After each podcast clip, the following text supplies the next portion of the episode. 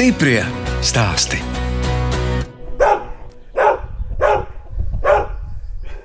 Filmas pašlaik ir. Būs. Mierīgs. Ārpus mierīgs. Jēkabpils novads ir tāds piemērots augļu dārziem. Ja mēs paskatāmies, teiksim, kaut uz to dārzu vai sevišķi jauno, jā, viņš atrodas reliefa paaugstinājumā. Jēkabpils novadā, jebkurā vietā var atrast piemērotu vietu augļu dārzam, bet nav tā, ka tu nopērci zemi un tagad eh, te visu apstādīšu ar ābelēm. Eh, Ja būs nepiemērota vieta, viņas ātri izcels. Šī ir piemērota vieta. Tālāk tur ir grāvi, jā, tur ir leja, tur nav piemērota. Tā stāsta Andris Zībergs no Jākapils novada Gārsenes pagasta. Es, žurnāliste Daina Zalamane, šoreiz ciemojos pie dārznieka un agronoma, kas 3,5 hektāros audzē ābeles, mazākās platībās arī avenes, saldos ķiršus, bumbierus, jāņogas un citas ogas. Mājas pagalmu no vējiem sargā egļu dzīvžoks. Tas skaistās lielās eglis, nu cik tām ir gadu? 28, 30. Aug divās pusēs, no ziemeļiem un no dienvidiem viņām nav konkurentu. Šo stādīja man vecmāte un krustmāte. Bija iesējušās no meža eglis, vienkārši no turienes izrakā un atnesu šeit un iestādīja rindu. Tas domāts bija vēja aizsardzībai no ziemeļa puses. Kaut gan no augkopības teorijas mēs īpaši nevajag aizsargāt, jo ziemeļa vēji, ja viņi ir, tad viņi ir reti un nav spēcīgi. Būtiskāks ir ziemeļa rietumi, tā puse un rietumi, dienvidu rietumi. Šīs ir eh, mana vec, vectēva mājas. Iegūtas kā jaunsaimniecība, toreiz pieteicās vienkārši un tad lozēja, kuram kura saimniecība. Un tad sanāca tā, ka te 16 hektāri bija vecmātes tēvam, un tur blakus, kurš dabeļdārs, tur atkal 16 hektāri bija mana vectēva tēvam.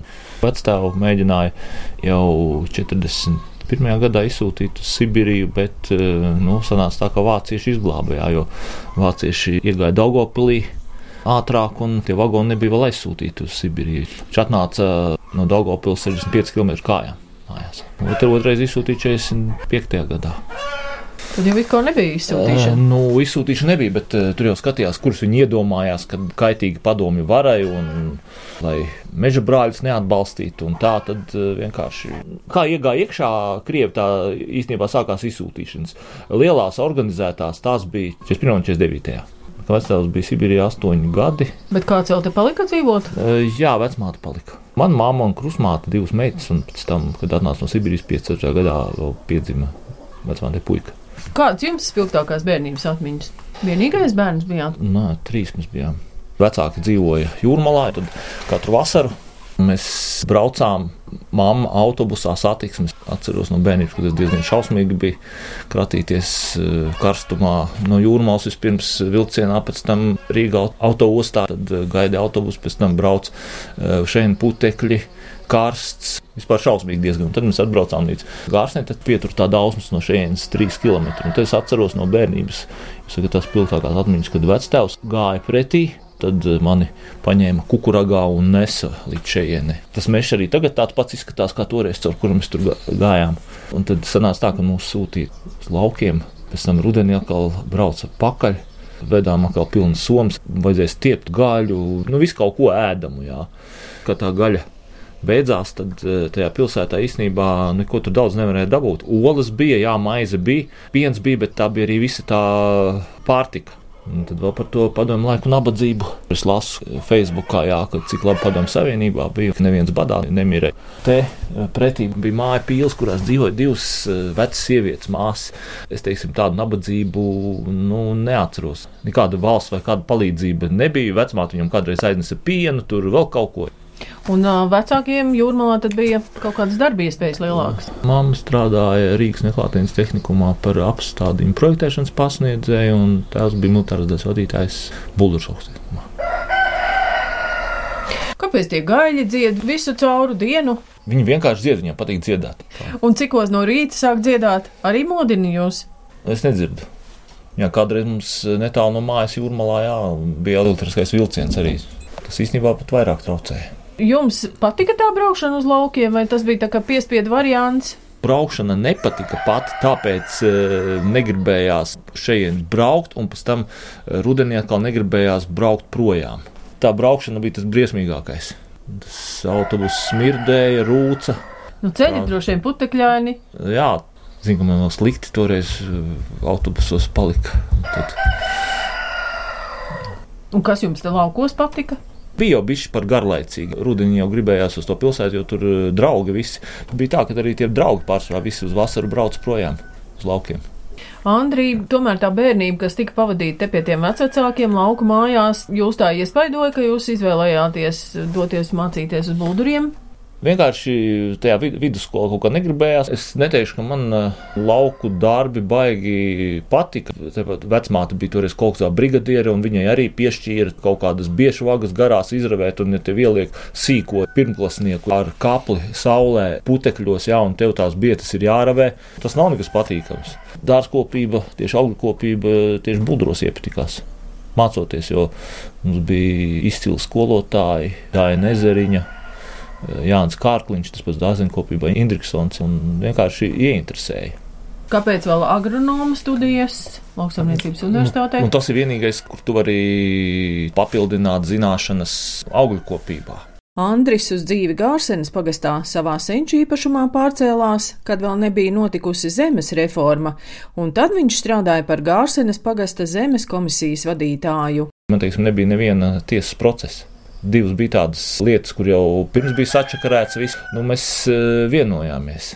Sanāca tā, ka cilvēks laikā bija iesniedzis zemes papīrus, visus uz īpašumu tiešsaistību atjaunošanu vecajās robežās, un pēc šī iesnieguma pagāja laikam gads, un toreizējais amatpersonas atļāva kolhozam izcirst eh, hektāru egļu viņa mežā.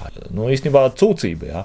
Un tas notika 92. gadā, un tad es atnācu 94. gadā, un man vajadzēja vienoties, tikt ar šo situāciju galā. Pašvaldībā vēl diezgan ilgi nostrādāju, bet. Nu, Jūs bijāt konsultants lauksaimniecības. Arī un zemes ierīkotājs, bet galvenais uzsvars bija palīdzēt cilvēkiem cilvēkiem tikt galā ar eh, visām tām Eiropas subsīdijām. Jā, subsīdiju maksājumiem. Jā, platību maksājumiem. Jā, es eh, tagad arī, kad tā mata nav tāpatās, man ir palikuši cilvēki, kuriem es katru pavasari arī sakārtoju dokumentus. Un kas tur zied tik skaisti, tur mēs vēl varam arī aiziet.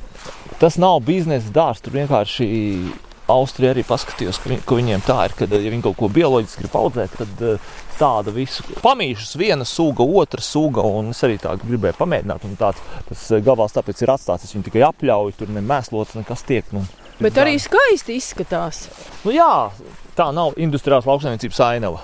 Bet arī nu, tāpat jau riņķi ir tā industriālā lauksaimniecība. Tur graudkopība, lejā kādreiz tur bija pļāva, kurā visādas puķis ziedēja, un tagad tur ir konvencionāla lauksaimniecība. Jums tas tā kā nepatīk kā jau pasakāt, cilvēkam ir laukos kaut ko naudu jāpelnē. Kaut kādam līdzsvaram jābūt. Ja mēs tikai domāsim, ka necērtam mežus, visur tikai pļaviņas, puķītes, teiksim, zaļie iesaistās par šādu politiku, bet kas te dzīvos? Kur viņi naudu dabūs? Stiprie stāstī!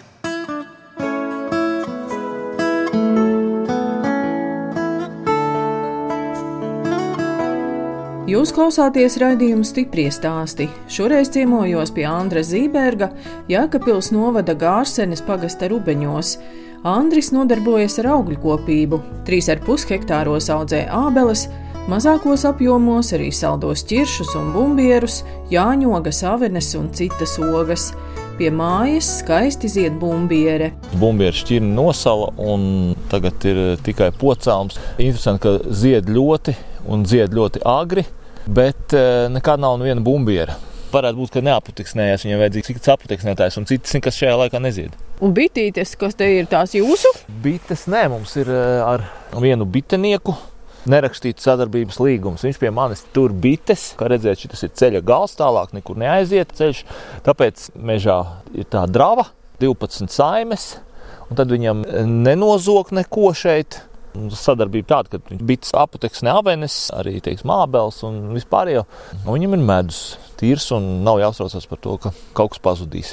Jo lieliem bitiniekiem ir problēma, kad teiksim, viņiem ir kaut kādas 200 saimnes, tad viņam ir jāved uz kaut kurieni. Puskilometrs to pusi arī ir Baltmūža pūrs, tur ir virši. Tāpat tās pavasarī ir agri zied blīgznes, priekš bitēm laba vieta. Kā jūs izdomājāt, ka jums tās abeles būs tā vairāk? Nu, kādas tās šķirnes, jums tur ir tāda liela dažādība? Jā. Bet jūs pats arī visu veicat, tur to zaru izgriešanu un visas tādas. Jā, jā, tas zaru izgriešana un ražas novākšana, tas ir lielākais darbs. Zaru izgriešana aizņem nedaudz vairāk par mēnesi. Vārds aprīts sākums. Un tad tagad jāgaida tie ziedi un jācer, ka nenosals. Jā, jā pareizi jūs sakat, jā, jāatcer, tā ir lauksaimniecības laika apstākļiem, nevar paļauties. Viss kaut kas notiek. Un ko jūs darat, ja nāk salnas pēkšņi? Kādreiz, kad bija jaunāks, tur panervozēja, bet likās, ka kaut kas jādara, un, ja ir tie septiņi grādi, tad mīnusā, jā, tad tu neko nevar izdarīt. Ir, teiksim, efektīvas lietas arī, ja tu laisti, rietumos iekārto laistīšanas iekārtas, tu visu dārzu laisti, un tad tas eh, ziediņš pārklājas ar ledu, eh, un iekšā tad ir siltāks nekā ārpusē tam ledum. Tas ziediņš iztur, bet ir liela kapitāla ieguldījuma. Bet nekad jau nav tā, ka viss nosaust. Šajā laikā viens gads ir bijis, kā es teicu, ka bija mīnus septiņi, tāda ražas nebija.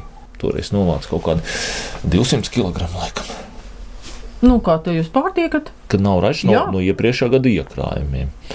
Ir arī mežs, kad mierīgi var tad... kaut ko kompensēt. Jā, parasti jau tā ir, kad viens ir labs gads un otrs sliktāks. Tagad 12 kārtas bijuši labi. Vienreiz bija tā, kad augustā aizbraucu ekskursijā uz Austriju, atbraucu atpakaļ. Man saka, krūsa bijusi. Nu, atbraucu naktī, pēc tam ieju dārzā no rīta, viss jau pēc puves smirda. Āboli jau bija gandrīz gatavi. Uznāca krūsa tāda, ka te kaimiņu pagastā mašīnai logu izsita. Un tad dārza arī bija, visi āboli bija sadauzīti. Kaut ko ievāca no tām ābolēm, rītīgi vēlējām, kur vēl mazi ābolīši bija. Teiksim, tāda koļenkovska bija, tā bija pavisam sadauzīta. Un kāpēc tam dzīvot, lai tās rokas nenolaižas? Tad jau visi lauksaimnieki jau būtu metuši mieru. Taču bieži tā ir, kad ziemā izsauc ziemā, tur jāpārsēja pavasarī, pēc tam rudenī izslīgs, rudenī nevar novākt. Nu, man Austrālijas onkulis, viņš Adelaidē dzīvoja, ar dārgu viņiem tirgojās un bija miljonārs. Un, viņš atbrauc, tad viņš mums stāstīja par to, kā ir Austrālijā. Jā, viņš saka, ka viņiem zemniekiem vidēji četros gados ir laba raža. Un tad viņi ar to peļņu, ko iegūst tajā vienā gadā no četriem, kompensē zaudējumus pārējos trīs gados. Tā kā mums ir lieliski apstākļi lauksaimniecībai. Vidēji četros gados vienā gadā ir slikta raža. Mums laba vieta lauksaimniecībai, to daudz saka. Es esmu skolas auglī, tad ir um, uzpircēji no Daugopils tirgus, tad arī kaut cik uz Rīgu tirgu. Mans brālis laiku ar draugu bija ārzemēs, tad viņi atbrauca atpakaļ. Un tad Rīga arī patirgo bišķiņu tirgoja. Jā. Tad uh, arī vietējos veikalos, un arī pie manis tāpat tās, kad ir raža, var nopirkt visu, kas ir iztirgoja. Kādas avenes jums te aug? Nu jā, avena viena no kultūrām, kuru audzē, bet vispār avenes paliek arvien mazāk. Faktiski es tikai tik, cik vīnam izmantoju, vairāk audzēju, jo vienkārši nav kas lasa. Kādreiz nebija problēma pirms 20 gadiem. Dabūt 12, 15 lasītājus bērnus tagad uh, nav, un arī kas ir tie fiziski švakāki bērni palikuši laukos. Kādreiz bērni varēja izturēt 6, 7 stundas. Nu, mēs sākām agrāk, citreiz pat 6. Tā ir vieglāk lasīt. Ja kādreiz bija meitenes, kas vienā tajā maiņā pielsīja 32 kg, kas ļoti daudz, tad tagad faktiski nu, 20 tas jau griezti. Jā, tās amences uh, atmet, tāpēc, ka nav kas vāc. Teiksim, ķiršiem bija mazāk vajag to vākšanu. Ķiršiem arī nav bijis vēl liela, nekāda liela raža. Pagājušajā gadā bija pirmā tāda, kur kaut ko varēja pārdot. No augļiem un ogām Andris gatavo arī vīnu, un to piedāvā turistiem nogaršot degustācijās, kas notiek Gārsenes pilī vai pastaigu takās pils parkā. Andris stāsta, ka krodzinieks bijis viņa vecvectēvs. Vecvectēvam, tam, kuram arī šīs mājas vēlāk piederēja, kuras viņš ieguva kā jaunsaimniecību 1920. gadā, viņš līdz tam bija plostinieks bet viņam labāk padevās tirgošanās un tāda kontaktēšanās ar cilvēkiem, tāpēc e, viņš uztaisīja ogrē krogu pirmo tieši priekš plostiniekiem. Pēc tam viņš atnāca atpakaļ šeit, jā, pie vecākiem. Tas cer laikā vēl bija, tad viņš atkal traktīri uztaisīja subatē, tepat netālu. Man no tā kroga vēl zvans ir. Nu, un tad eh, tālāk arī vectēvs taisīja no zaptēm vīnu. Tēvs atkal taisīja no jāņogu aveņu žēlēja taisīšanas, tās izspiedas. Tās viņš izskaloja, jo sievietes nedeva labas logas priekš vīnu.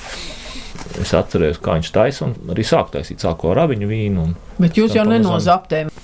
No vecās zaptes taisīts vīns garšo pēc zaptes, nu, pēc eh, vārītām mogām. Un tad man patīk eksperimentēt visādi kombinēju, un man vispār tā paskaitīja, man kaut kur ap 40 dažādas vīnas es taisīju, bet, teiksim, ja man nepatīk, tas vienreiz uztaisu. Un kāds te jūs taisat? Saldus, kābus, sausus? Saldus ir vieglāk uztaisīt. tad nav jāliek konservanti klāt, un, un cukurs arī bišķī dažādas nepatīkamas nianses noslāpē. Tāpēc sausu vīnu uztaisīt, nu, protams, ja tas nav vīnogu, kur dabīgais cukurs, un sausu vīnu ir grūtāk uztaisīt. Latvijā no ceriņiem taisa vīnu un visādiem ziediem, bet no sarkanajām bietēm, kā jums ienāca prātā? Nu, man patīk eksperimentēt, un es tā piemetu, no kā vēl var uztaisīt. Bietas ir saldanas, viņām ir cukurs klāt kaut cik.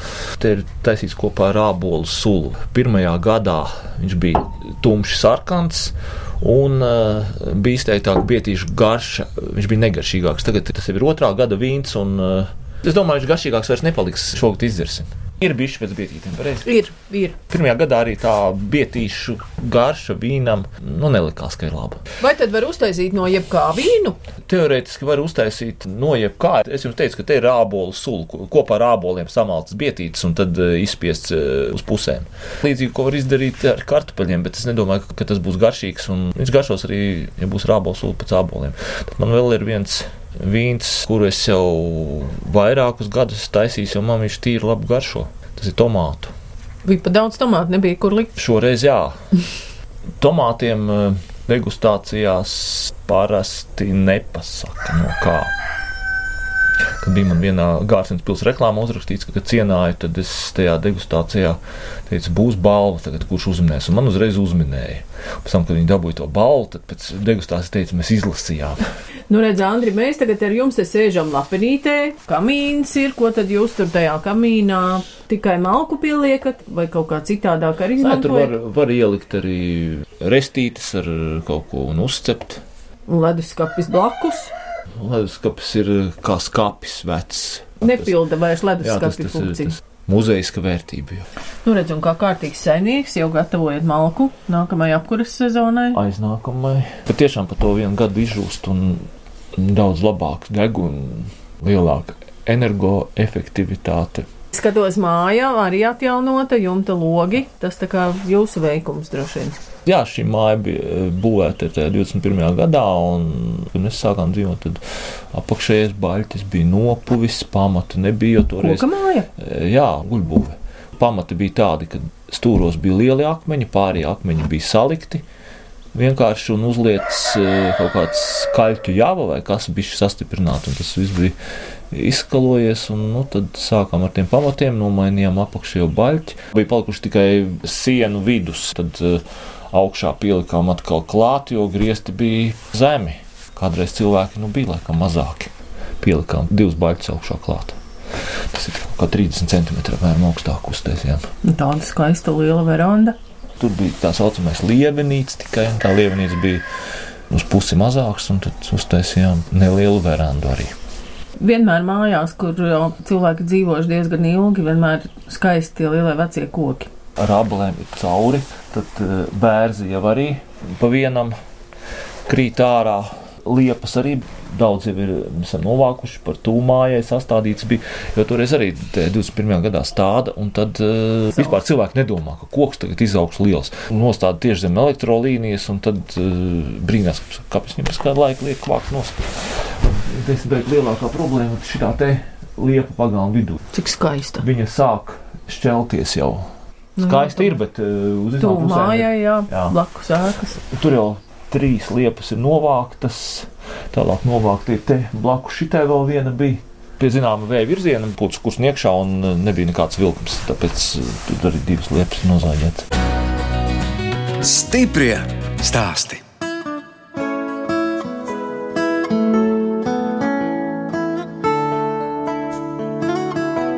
Jūs klausāties raidījumu stipri stāstī. Turpinot ciemoties pie Andra Zīberga, Jēkabpils novada Gārsenes pagastā.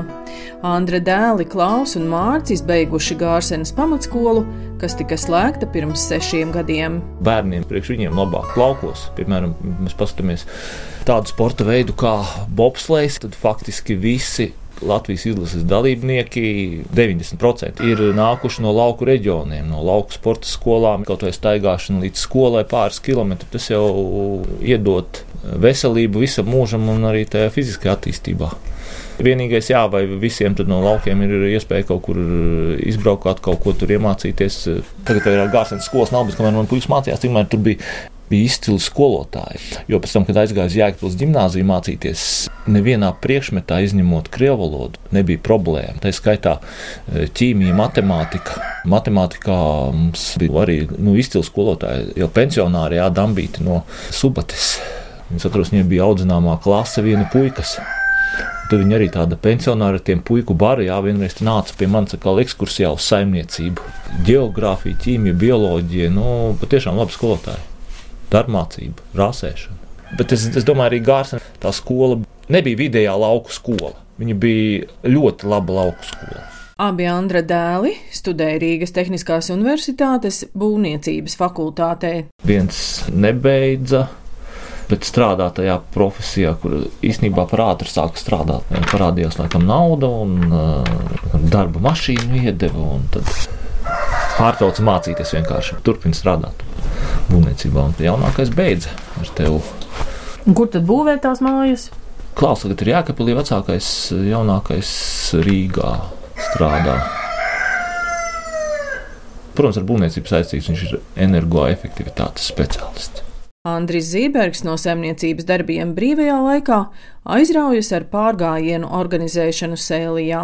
Faktiski Sēlijas laivām Ričards ar Santu nu, ir no Aknīstas un tie pārgājieni, protams, apkārtni tuvākā, bet eh, tas nav tikai pa gārseni. Nu, nākošais mums ieplānotais ir eh, nakts pārgājiens, kas jau ir tradicionāls 4. gadu Kaldabruņa gārseni. Kaldabruņa no šejienes atrodas apmēram 20 km, pārgājiena garums būs 27. Mēs jau 4. gadu pēc īsākās naktas sagaidām sauli gārsnē Sāra kalnā. Pirms līgos vēkiem. Un tas nesanāk īsti uz to garāko dienu, jo jākombinē, lai tas būtu vai no piekdienas uz sestdienu, vai no sestdienas uz svētdienu. Mēs paši negribam taisīt tajā darba dienās pārgājienus. Kā sākās tāda pārgājiena? Pašam patīk staigāt.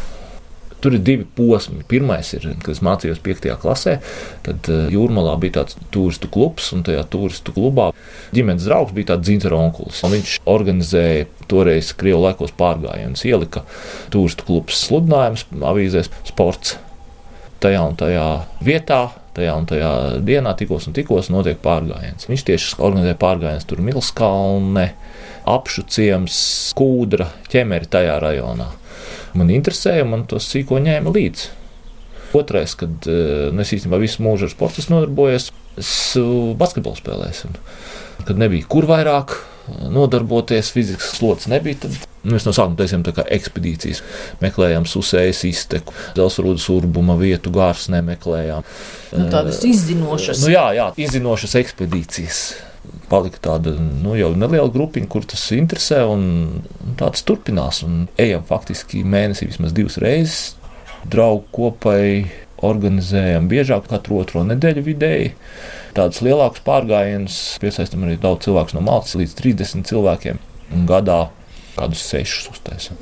Kopā ar Sēlijas laivām Santa uzraksta projektus. Iepriekšējais bija Jākpils novada Kalnu pagastu Vagulānos, reizē ar ornitologu un vēsturnieku vietējo Aigaru Pērkonu izzinoši. Nākošais būs, būs tas nakts pārgājiens 18. jūnijā. Pagājuši gadu gan Kolkā, Rojā esam bijuši, gan Tērvetē pārgājumi, gan Aglonā. Es saplānoju maršrutu arī vietās, kur neesmu bijis, un tad ejam pēc tās kartes. Šogad arī brauksim māja beigās uz Grūziju. Tur iesim arī četras dienas uz uh, augstāko kalnu ciemu uz Guli. Un ko nozīmē tie vārdi, ka jūs esat Gārsenes kopienas aktīvists? Šos pārgājienus arī sākām taisīt tieši Gārsenē, Gārsenes kopienu. Bet mans mērķis ir eh, dabūt pašvaldībā izpratni par to, ka eh, pamats ir nevis tie, kas ir ievēlēti, bet pamats ir tieši kopiena. Tiem, kas tur ir ievēlēti, ir jāstrādā kopienas labā, un, teiksim, kopiena labāk zina, kas ir te jādara, nevis tur kaut kur jākapelī sēžot. Tā ir pašvaldība, pašu valdība. Viņai ir jāstrādā kā, piemēram, Igaunijā, kur iedzīvotāji nosaka, ko dara deputāti, nevis otrādāk. Deputāti pilda iedzīvotāju vēlmes, nevis deputāti uzspiež iedzīvotājiem kaut kādas savas vēlmes. Jūs politikā esat iesaistījies? Es, es esmu bijis deputāts kādas četras, laikam, sasaukumus vai piecas. Bet tur sēdēt daļai ir lieka laika tērēšana. Tu no malas varbūt vari izdarīt vairāk nekā tur. Nu, ko Gārsenē vajag? Gārsenē ir pils, jā, tas ir pašvaldības īpašums. Tā pils ir kaut kā jāattīsta. Ka arī esot pašvaldības īpašumā, nu, pa mīnusiem nebūtu. Pa nulēm tas būtu normāli, jo tad uh, ir sakopta vide un arī uzņēmē darbībai tā pils palīdzētu attīstīties. Tagad ir uh, tā, ka tā pils ir zaudējums un faktiski pašvaldība diezgan ilgi jau īstenībā nezina, ko darīt. Mums ir tāda ideja, ka tur teiksim, to pašu sporta laukumu jāuztais, plus vēl varētu korporatīvos pasākumus rīkot, jo vieta ir ļoti piemērota. Mums teiksim, ir tāda tradīcija, gandrīz 30 gadus katru gadu notiek gārsenes sporta spēles. Tas ir viens, kas vajadzīgs, lai tā pils kaut kā attīstītos. Par lauku nākotni runājot, Andris vērtē, ka šobrīd valsts politika ir vērsta uz lielo saimniecību atbalstu. Vairāk atbalsta lielas saimniecības, un tad eh, mazajām tām nav tik liels iespējas attīstīties. Lielās, kuras faktiski virs tūkstoša graudu ir, ja jau kaut kur simtos, tad jau tā ir nu, graudkopībā mazā, augļkopībā kaut lielā varētu būt, kam ir kaut kādi 20, 30 hektāri, un man ir tad mazā. Trešā kategorija ir arī daudz, kuras arī nu, neko īpaši neražo, saņem subsīdijas un nopļauj zāli. Jā. Kā ir Gārsenē? Arī ir tās lielās saimniecības šeit. Ir viena lielāka saimniecība, kam ir virs 1000 hektāru, bet tā ir ģimenes saimniecība. Graudus? Jā, graudkopība. Tad ir eh, aptuveni 5, 6 saimniecības graudkopībā, kuras ir eh, mazās, tas ir no 100 līdz 400 eh, hektāriem tajās robežās. Priekš laukiem graudkopībā tas ir optimāli, jā, jo tu pats ar saviem spēkiem vari tikt galā. Ģimenes tiek galā parasti. Bērni, radi, draugi palīdz. Un arī Šādas platības es pat teiktu, ka ir efektīvākas nekā tūkstošnieki. Un, piemēram, kad bija tas mitrais gads, kad nevarēja novākt, lielie izsit beigās tās subsīdijas, nu, ļoti mazu procentu bija paspējuši novākt. Slapjā gadā pat viena saimniecība bija, kas ap 100 hektāru, kas visu arī bija novākusi. Teiksim, paplašināties arī šīs vidējās, viņas nav pašlaik spējīgas, tāpēc, ka ārzemnieki lielie pašlaik pārsola lauksaimniecības zemes, kad jāpērk. Ja kāds jauns cilvēks izdomā, viņš beidz skolu, piemēram, viņš grib taisīt biznesa laukos, viņam nav iespēja tikt pie zemes vairāk jo tiem lielajiem ir vairāk naudas. Viņš var arī ar mazais ir sarunājis. Tad tas lielais nepakautrēsies aiziet pie tā īpašnieka un pārsolīt. Tas tā nu, diezgan bezskaunīgi ir. Vai tad jums tie ārzemnieki arī tik daudz? Kad beidzās zemes reforma, Gārsena, manuprāt, bija vismaz apkārtnē. Iespējams, pat valstī vienīgais pagasts, kurā neviens hektārs nepiederēja ārzemniekiem. Ja uz vienu sēdi bija iesniegumi no vietējā un no ārzemnieka, tad eh, tam vietējiem bija priekšrocība. Piešķirām vietējiem, un citreiz es braucu pat runāt, lai paņem zemi, noderēs. Un tā arī bija. Tagad eh, faktiski viss saka, ka eh, zemnieki būtu labāk ņēmuši vairāk zemes. Lauksaimniecības zemes, manuprāt, strādājamas nav ārzemniekiem joprojām Gārsenē, bet e, meža zemes ir pārdevuši ārzemniekiem. Un kā pietrūkst? Te daudz kā pietrūkst. Sāksim jau ar to pašu, ko visi saka, ceļi. Telefons sakari ir labi, internets ir labs, ceļi varēja būt labāk. Tas traucē gan turismam attīstīties, gan arī tiem pašiem lauksaimniekiem. Tāpat tās blakus ir tāda viena liela saimniecība, Ancenējā, kur nodarbojas arī transporta pakalpojumiem. Un iedomājieties, ka viņiem ir citu gadu vairāk par mēnesi aiztaisīt grāmatas ceļus ciet, viņiem ir nu, dīkstāvi. Mēs jau braucām, nu, putēji vareni, bet ceļš jau izskatījās tāds labs un gluds. Nu, pašlaik jā, bet kāds viņš ir pavasarī? Tagad viņš ir nesen nogreidēts un daudz mums viss kārtībā par tām pašām zemju koncentrācijām. Ja viņas koncentrējas viena cilvēka rokās, piemēram, jā, tad zemgolē, piemēram, brauc vietām tikai lauks, nav nevienas mājas, nav neviena ciematiņa. Valsts politikai bija jābūt tādai, lai te vairāk cilvēkiem būtu ko darīt, vairāk varētu, teiksim, attīstīties.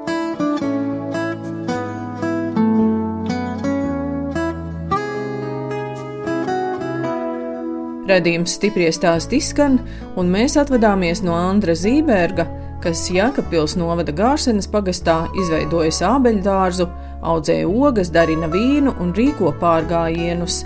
No jums atvedās žurnāliste Dāna Zalamane un operātore Inga Bēdelē. Tiekamies atkal tieši pēc nedēļas.